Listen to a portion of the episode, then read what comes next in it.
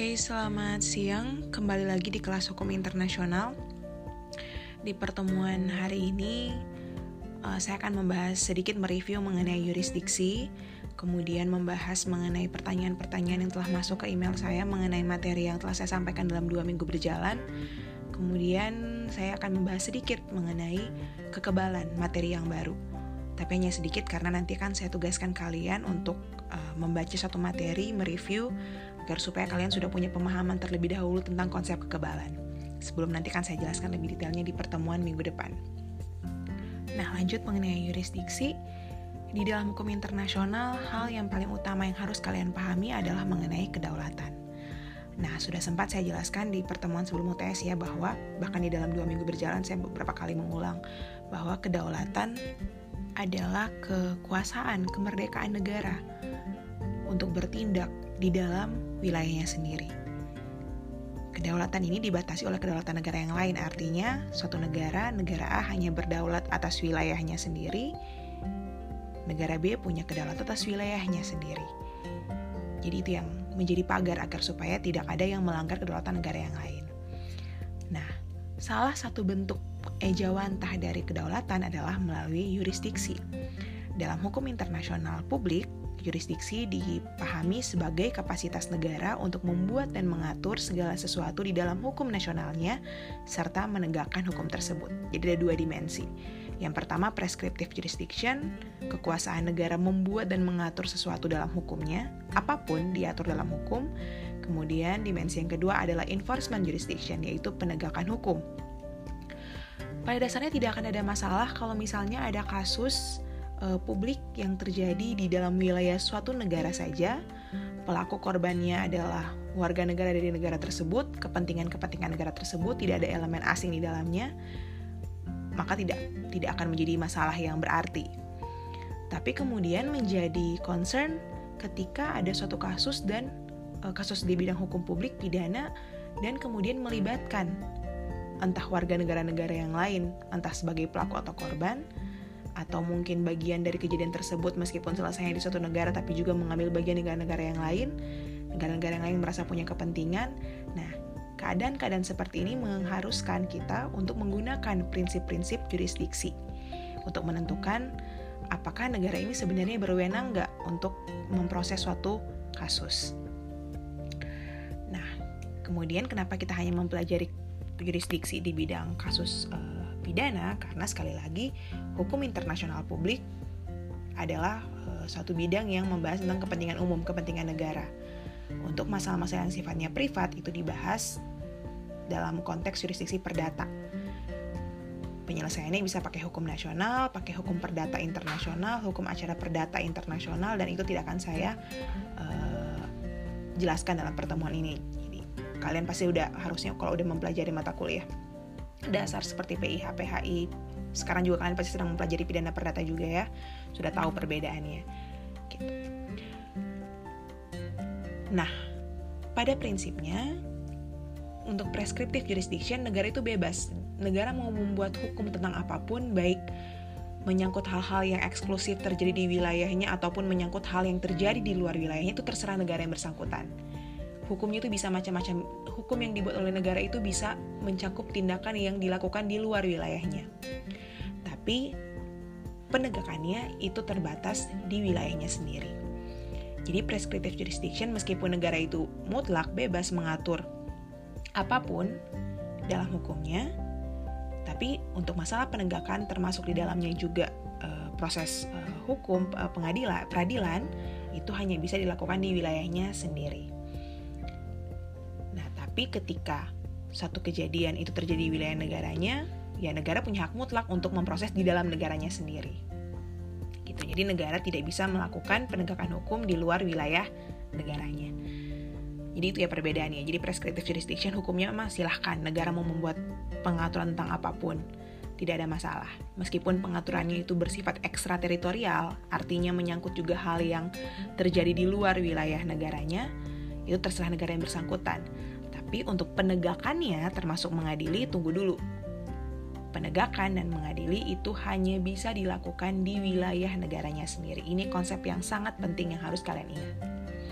Makanya negara tidak bisa kemudian mengirim katakanlah ada pelaku kejahatan di negara B, negara A, kemudian mau nangkep pelaku tersebut dan langsung mengirimkan polisinya ke negara B, itu tidak bisa dilakukan.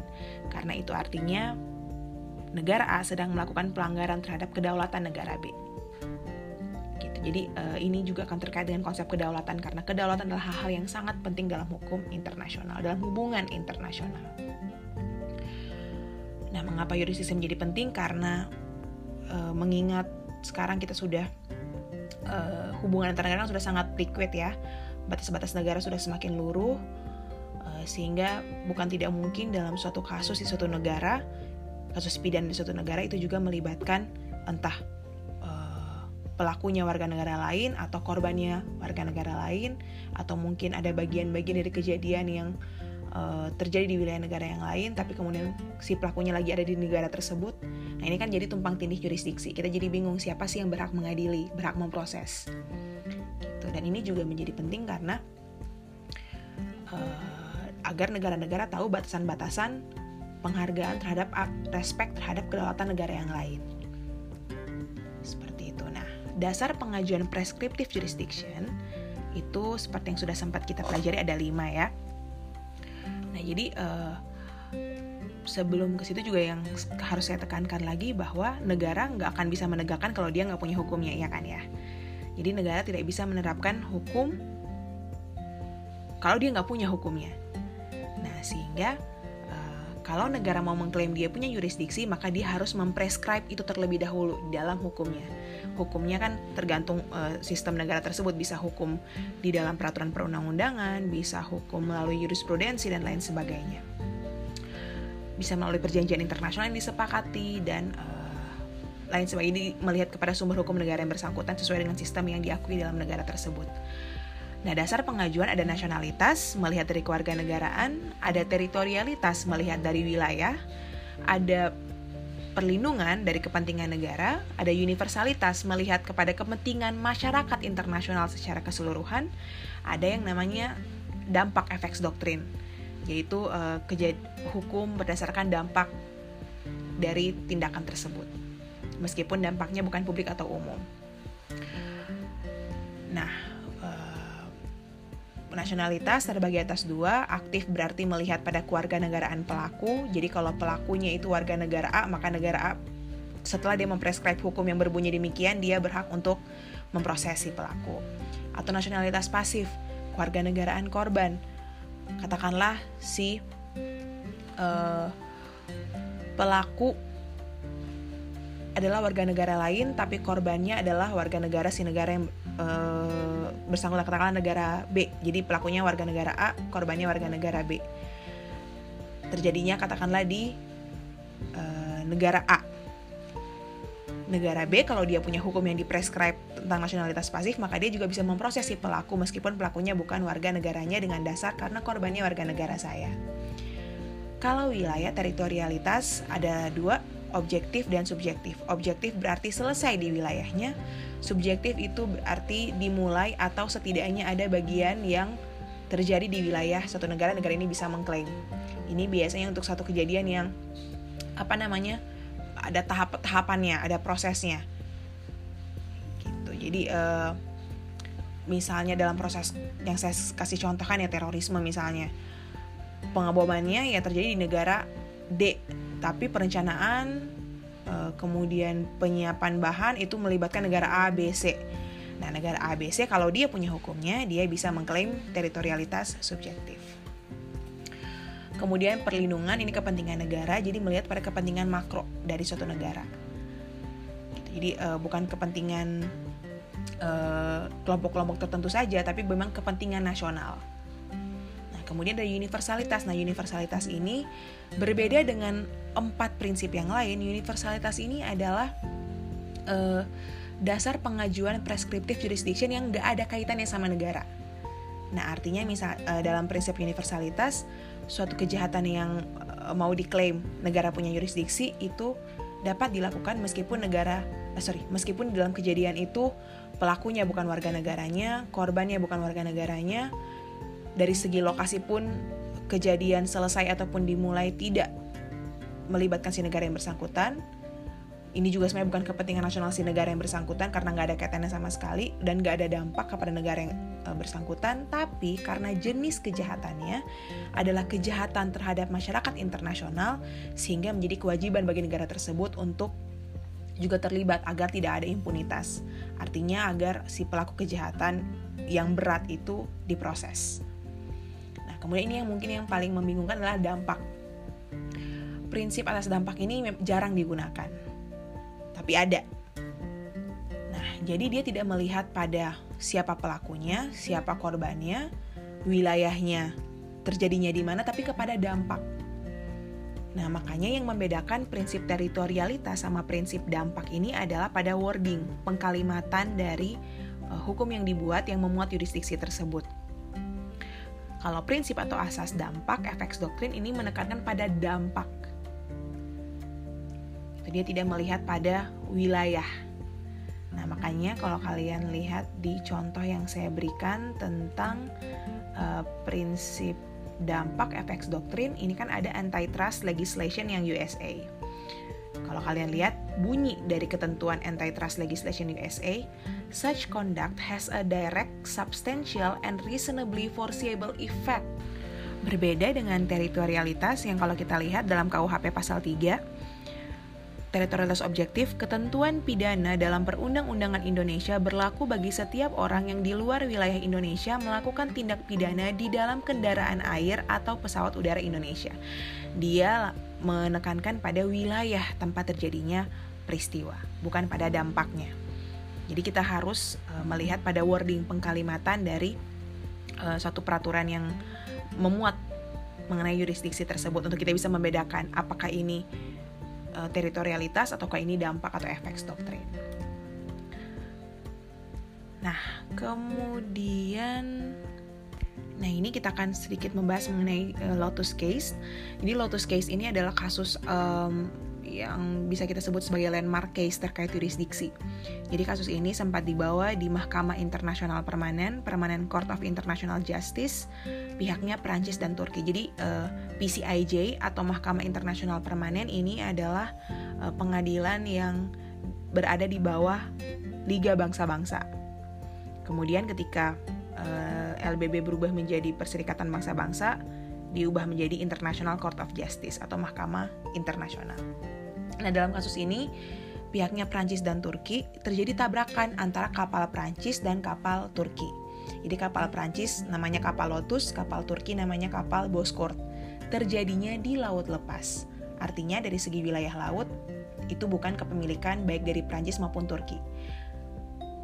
Kapten untuk Lotus namanya adalah Kapten Dimens, dia warga negara Prancis. Nah, akibat tabrakan tersebut, delapan orang warga negara Turki di kapal Boskort yang adalah kapalnya Turki meninggal.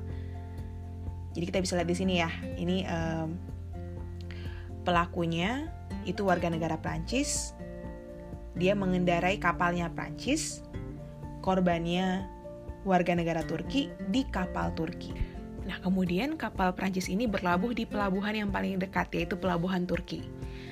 Sesampainya kapal Lotus ini di pelabuhan Turki, aparat penegak hukum Turki langsung menangkap Kapten Dimens atas dasar kealpaan yang menyebabkan terbunuhnya warga negara Turki. Nah, kemudian Prancis nggak terima. Prancis mengklaim bahwa hal ini melanggar hukum internasional karena kejadian ini terjadi di laut lepas, bukan di wilayah Turki.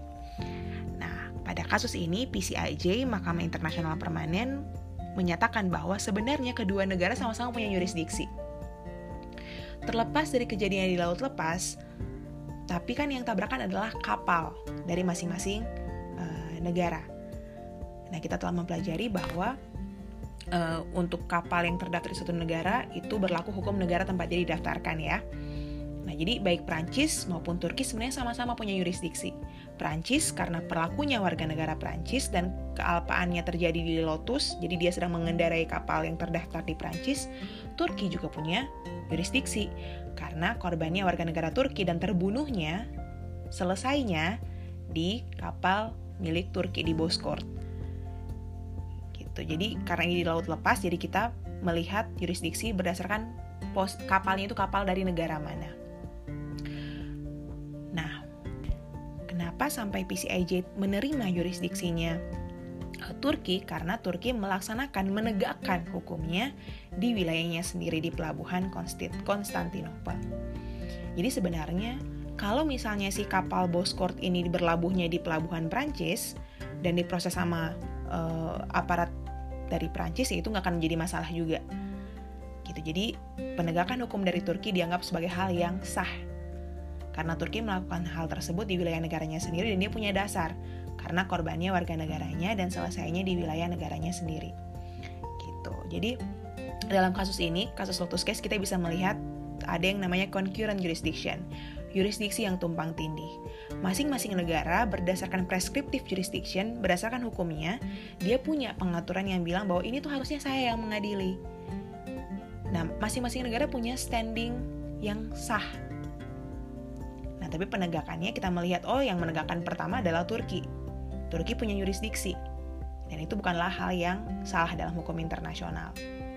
Seperti itu dalam uh, tugas yang kalian buat meskipun saya belum baca semua sebagian besar sudah memahami ya bahwa uh, dalam satu kasus itu ada banyak sekali kasus yang melibatkan entah pelakunya warga negara lain atau korbannya warga negara lain kejadiannya mengambil bagian di banyak negara ada juga kejadian yang sebenarnya nggak ada kaitannya sama satu negara tapi karena itu kejahatan berat kejahatan internasional maka itu diproses nah ini adalah dasar-dasar pengajuan jurisdiksi uh, prescriptive jurisdiction. Nah, negara-negara yang kemudian memproses ke dalam penegakan hukum dan mengadili, dia pasti sebelumnya sudah punya hukum yang mengatur tentang hal tersebut. Dan hukum tersebut bisa memuat salah satu dari dasar prescriptive, prescriptive jurisdiction yang telah saya jelaskan. Nah, untuk menyelesaikan uh, concurrent jurisdiction ini bisa langsung diadili oleh negara yang biasanya kita akan melihat pada negara yang punya kepentingan terbanyak dalam kasus tersebut. Jadi umumnya untuk menyeimbangkan kepentingan katakanlah ada 10 negara yang terlibat. Ada 10 kepentingan negara yang akan dilihat dari segi efektivitas dan dari segi kepentingan. Mana yang lebih efektif untuk mengadili misalnya ya tempat selesainya perkara, yang lebih efektif untuk mengadili dari segi barang buktinya lebih gampang didapatkan, prosesnya bisa langsung dilakukan uh, begitu kejadian terjadi dan seterusnya. Tapi bisa juga dengan melihat kepentingan negara mana sih yang paling dirugikan dalam kasus ini. Nah, apa pun pertimbangannya, yang pertama ya asal orang ini harus dihukum. Pelaku harus dihukum. Jadi tidak boleh dibiarkan si orang yang telah melakukan tindak pidana ini untuk bebas dari jeratan hukum. Dan kalau memang ini menyangkut kepentingan yang sangat besar di suatu negara, ya bisa ada proses ekstradisi bila diperlukan. Ini akan terkait dengan kerjasama antara negara. Kemudian juga penghormatan kepada negara yang lain yang kalau memang dia punya jurisdiksi dan dia sudah mengadili, maka harus dihormati dan tidak boleh ada yang namanya e, proses yang berulang atau double jeopardy karena ada prinsip nebis in idem dalam hukum pidana. Nah, ada beberapa pertanyaan yang masuk ke email saya. Yang pertama, ada yang bertanya mengenai uh, prinsip perlindungan. Jadi kan saya memberikan contoh tentang perlindungan mata uang. Dan memang saya saya sempat menjelaskan bahwa itu perlindungan mata uang rupiah.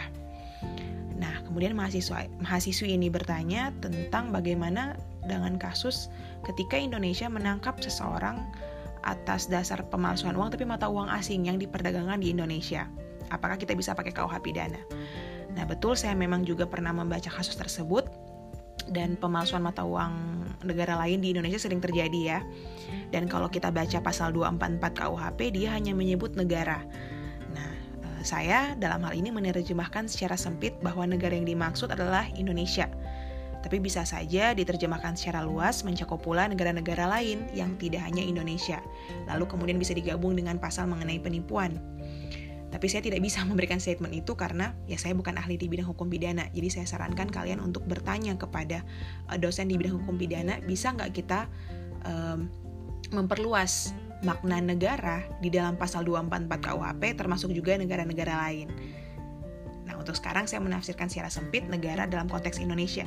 Tapi betul bukan tidak mungkin bahwa ini juga termasuk negara-negara asing. Mata uang negara lain. Tapi tetap kepentingan atas perlindungan, asas perlindungan kenapa? Karena ketika mata uang asing diperdagangkan di Indonesia, itu juga pasti um, per, mata uang palsu maksud um, mata uang palsu diperdagangkan di Indonesia, meskipun itu mata uang negara yang lain, itu kan berdampak pada kepentingan ekonomi dari Indonesia secara nasional, sehingga bisa tetap masuk sebagai asas perlindungan. Kemudian ada yang bertanya mengenai kasus TKI. Mengapa kasus TKI yang membunuh majikannya di luar negeri kebanyakan diadili di negara yang bersangkutan? Bisakah TKI tersebut diadili di Indonesia karena Indonesia juga punya jurisdiksi mengadili? Betul, bisa. Jadi kalau berdasarkan prinsip jurisdiksi, selama negara itu punya aturan yang e, mengatur mengenai suatu hal, entah dia mau menggunakan dasar teritorialitas objektif, subjektif, nasionalitas aktif, pasif, maka negara yang punya jurisdiksi dan bisa membuktikan keterkaitannya dalam kasus tersebut, dia dapat mengadili. Nah, dalam kasus TKI membunuh majikannya di luar negeri, katakanlah uh, Malaysia, baik Indonesia maupun Malaysia sama-sama punya jurisdiksi untuk mengadili. Indonesia kan punya KUHP karena ada ya pasal pembunuhan pakai nasionalitas uh, aktif, ada KUHP-nya Malaysia juga pasti dari segi tempat selesainya peristiwa. Kenapa biasanya diadili di negara yang bersangkutan atau tempat selesainya perkara? Karena biasanya itu lebih efektif untuk melakukan proses. Mengingat TKP-nya di sana. Penegak hukum juga bisa langsung memproses si pelaku. Tapi hal ini bukan berarti Indonesia tidak bisa mengadili, hanya saja sudah diproses lebih dahulu oleh si negara yang bersangkutan, bukan Indonesia, dan Indonesia menghormati. Jadi Indonesia menghormati proses yang sudah berjalan. Biasanya Indonesia akan uh, membantu dari segi memberikan bantuan hukum bagi si uh, pelaku, diberikan uh, apa pendamping pendampingan agar bisa mengikuti proses hukum secara lebih baik. Indonesia juga sebenarnya kalau belum dilakukan proses hukumnya di sana, Indonesia bisa minta ekstradisi. Nah, umumnya untuk kasus pidana umum, negara akan membiarkan proses peradilan negara yang lain berjalan. Tapi kalau misalnya pidana khusus, negara biasanya akan meminta ekstradisi. Mungkin kalau kasus korupsi. Nah, itu dia minta dia akan minta untuk diekstradisi, nggak akan membiarkan negara lain untuk memproses. Gitu. Kemudian juga mahasiswa ini bertanya, apakah negara yang mengadili kasus tindak pidana yang dilakukan oleh warga negara asing di negaranya menjadikan negara tersebut memiliki kewenangan yang luas terhadapnya? Betul. Jadi ketika kita menapakkan kaki di wilayah negara yang lain, meskipun kita berstatus sebagai warga negara asing, kita harus menaati hukum yang berlaku di wilayah tersebut. Karena kita udah mempelajari ya di awal tentang konsep kedaulatan, esensinya bahwa negara punya kekuasaan mutlak atas wilayahnya sendiri. Gitu. Jadi pada esensinya memang si negara yang bersangkutan tempat terjadinya peristiwa ya punya kewenangan penuh atas si kejadian yang terjadi di wilayahnya Kemudian ada juga yang bertanya mengenai perbedaan efek doktrin dan teritorialitas objektif. Tadi udah saya jelaskan ya. Jadi kita harus melihat pada wording dari si hukum yang akan kalian kaji. Kalau dia menekankan pada dampak, berarti dia menggunakan prinsip efek doktrin. Tapi kalau dia fokus pada wilayah, berarti dia menggunakan prinsip teritorialitas. Kemudian ada pertanyaan, misalnya warga negara A masuk ke negara B, berarti warga negara ini saya asumsikan pelaku tindak pidana ya, masuk ke negara B tanpa sengaja, lalu diadili di negara B tanpa ada pemberitahuan ke negara A. Dampak buat negara B itu apa? Nah, sebenarnya tidak menjadi masalah kalau negara B pun punya jurisdiksi atas tindakan yang dilakukan si warga negara A. Jadi kalau dia kabur ke negara B terus negara B mau mengadili ya dia harus punya kaitan dengan kasus tersebut. Kecuali kalau ini terkait uh, universalitas dan atas perlindungan itu pun harus spesifik. Tapi kalau nggak ada kaitannya, maka negara B biasanya nggak akan mengadili, karena kan dia nggak ada kaitannya sama sekali. Karena itu akan melanggar kepentingan negara A. Di samping itu juga akan melanggar kedaulatan negara A. Itu sehingga negara A bisa komplain, kenapa negara B mengadili padahal dia tidak punya jurisdiksi. Gitu. Uh, kemudian terkait dengan jurisdiksi, jadi satu negara tidak dilarang ya kalau dia misalnya untuk satu kasus dia punya lebih dari satu jurisdiksi misalnya pelakunya warga negaranya, korbannya warga negaranya, eh tapi kejadiannya di negara yang lain. Nah, uh, nggak uh, jadi bukan hal yang salah kalau satu negara akan punya lebih dari satu lebih dari satu jurisdiksi. Nanti di sini kan kita lihat kepentingannya. Dalam kasus seperti ini biasanya negara dengan kepentingan terbanyak yang akan menjadi negara yang akan mengadili satu kasus tertentu. Oke, itu tentang yurisdiksi. Kalau misalnya kalian masih ada kebingungan, silahkan ditanyakan. Nanti saya akan balas dan akan saya bahas. Jadi biar teman-teman kalian juga tahu kalian bertanya apa ke saya dan bagaimana jawaban saya. Nah, kemudian materi yang baru yaitu tentang kekebalan. Nah, saya nggak akan bahas panjang tentang ini, hanya poin-poin penting saja. Nanti saya akan minta kalian untuk mereview artikel dan uh, minggu depan akan kita bahas agar supaya kalian punya pemahaman terlebih dahulu tentang kekebalan karena ini konsep yang agak membingungkan kalau kalian belum baca terlebih dahulu. Oke, kita akan berangkat dari kedaulatan. Nah, kedaulatan kan pada dasarnya kemerdekaan negara ya. Dan ketika kita bicara kedaulatan itu berarti negara A berdaulat, negara B berdaulat, ada kesetaraan antara negara-negara yang merdeka dan berdaulat tersebut. Kesetaraan ini berdampak pada negara A tidak bisa diadili di negara B. Ya, karena ketika negara A bisa diadili di negara B, berarti negara A tidak berdaulat dong. Negara A berarti tunduk pada negara B, itu logikanya. Nah, sehingga ada konsep kekebalan negara. Kedaulatan artinya negara A kebal terhadap negara B karena masing-masing punya kedaulatan masing-masing itu sama posisinya. Kenapa saya bisa diadili untuk tindakan yang saya lakukan, tindak pidana yang saya lakukan di Indonesia, di pengadilan Indonesia?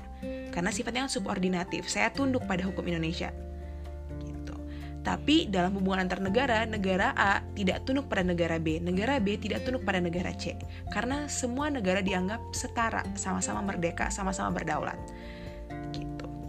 Kemudian ketika saya ngomong tentang negara, negara ini kita pahami sebagai pemerintah karena negara kan abstrak ya. Negara ini sebenarnya adalah pemerintah yang menjalankan. Nah, hal ini menyebabkan adanya kekebalan. Dalam permulaan perkembangan hukum internasional, kekebalan ini, imunitas, adalah prinsip yang telah diterima bahwa negara secara mutlak tidak dapat digugat di hadapan forum pengadilan forum hakim negara yang lain. Ini disebut teori imunitas mutlak absolute state immunity. Nah, di mana sejak abad ke-19 berbagai keputusan hukum itu telah mengecualikan negara yang lain dari yurisdiksi pengadilan nasional. Tapi kemudian seiring perkembangan zaman, perkembangan waktu, ternyata muncullah pemahaman bahwa seharusnya yurisdiksi negara terhadap negara yang lain menjadi tidak mutlak atau terbatas. Hal ini terjadi karena semakin berkembangnya hubungan antar negara, dan negara banyak terlibat di dalam aktivitas-aktivitas baik aktivitas publik maupun privat sehingga dianggap kekebalan hanya akan diberikan untuk tindakan-tindakan tertentu. Nah, ini yang akan saya tugaskan kalian cobalah untuk membaca artikel yang akan saya berikan terus kalian review apa yang dimaksud dengan kekebalan. Bagaimana perkembangan kekebalan di dalam hukum internasional.